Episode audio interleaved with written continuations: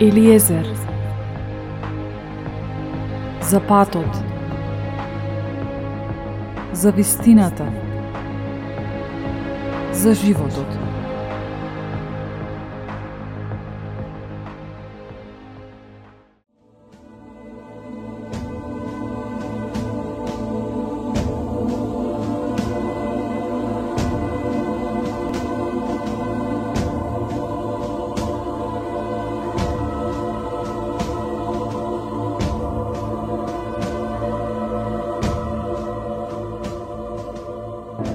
Книга пророк Еремија пишува Оти само јас ги знам замислите, што сум ги смислил за вас, вели Господ.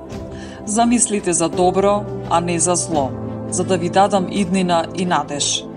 Па ќе повикате по мене, ќе појдете и ќе ме замолите, и ќе ве чујам. Ќе ме побарате и ќе ме најдете, ако ме побарате од се срце.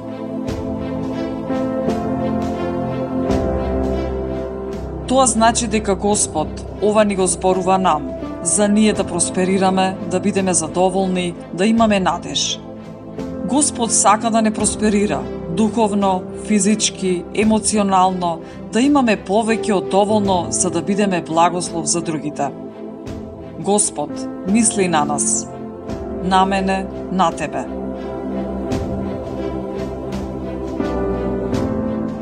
Ајде да изјавиме – да изговориме зборови на вера за да се согласиме со она што Господ Бог го говори за нас.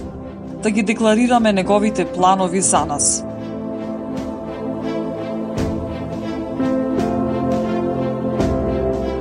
Зад нас оставаме се што било негативно, тажно, неправично, лошо. И денес влекуваме во нов почеток – И како што ги изговараме овие зборови, нека продрат длабоко во нашиот дух, да ги впиеме, да ги абсорбираме. Зборовите имаат моќ, доколку им дозволиме да фатат корен во нашиот дух.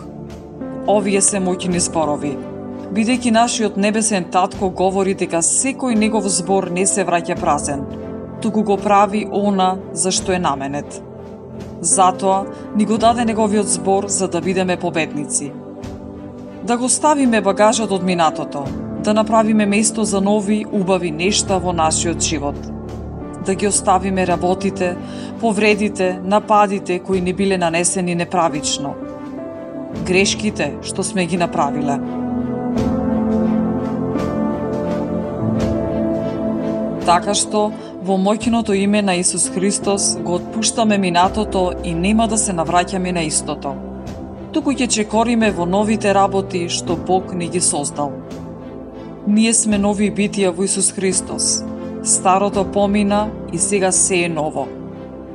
Изјавуваме дека имаме очи за да ги видиме новите нешта, за да бидеме свесни за она што Бог го прави за нас. Ние сме храбри, одиме од победа во победа. Изјавуваме дека ние сме благословени и дека не можеме да бидеме проколнати. Ние сме над, а не под. Ние сме главата, а не опашката.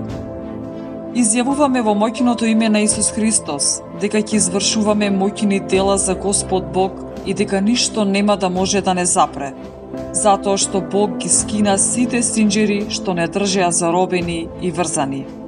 Ние сме благословени.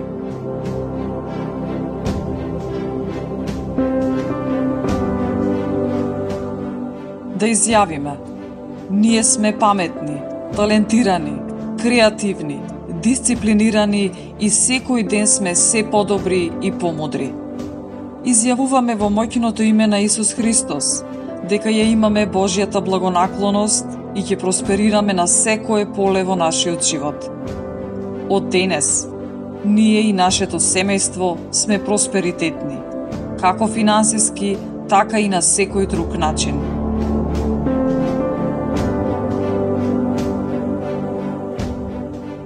Изјавуваме дека се што ќе добрат, се што ќе работат нашите раце, ќе просперира и ќе успее клетвата на сиромаштијата и недостиг е прекината. Од денес започнува нашиот просперитет, нашето изобилие. Бидејќи му даваме од се срце на Господ Бог, тој ќе ни даде и ќе ни возврати до степен до кој не би можеле да чуваме и складираме, и би давале и на други. Ќе искусиме неочекувани благослови и надприродна благонаклоност. Врз нас е помазанието да успееме финансиски.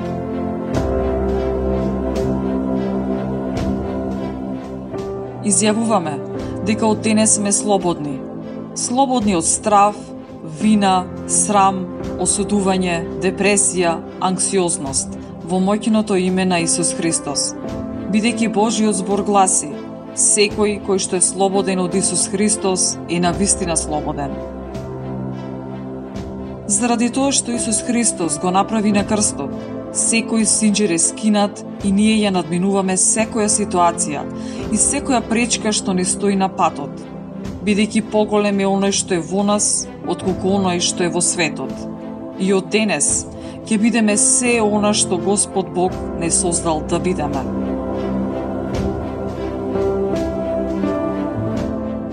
Изјавуваме дека му веруваме на семојкиниот Бог дека ќе го води нашиот живот, дека ќе ги води нашите одлуки. Се што е скршено во нашиот живот ќе го направи ново. Изјавуваме надеж, лекување, обнова со сигурност дека сме деца на Севишниот Бог и дека неговата љубов кон нас никогаш не престанува. Изјавуваме живот, љубов и заштита.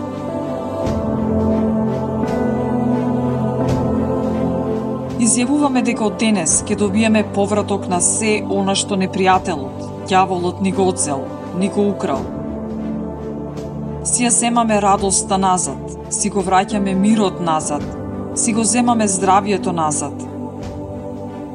Изјавуваме во моќното име на Исус Христос дека ни едно оружје ковано против нас нема да просперира и секој јазик кренат против нас на суд ние ќе го виниме преку раните на Исус Христос ние веќе сме излекувани. Ние нема да се откажеме од Божите ветувања, бидејќи Исус Христос рече: Јас дојдов за да имаш живот вечен и живот во изобилие. Господ Бог прави нови нешта. Тој го обновува нашиот живот, ги обновува семејните врски, го обновува нашиот ум, обновува се што не било одземено, украдено и скратено. Изјавуваме дека сме луѓе со визија, сите наши соништа и планови ќе се реализираат. Имаме нови идеи, нови вештини, откриваме нови таленти.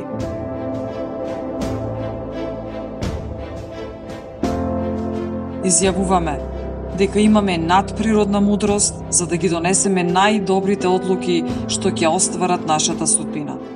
Изјавуваме дека имаме надприродно изоблиство и пробив на секое поле во нашиот живот, во моќното име на Исус Христос.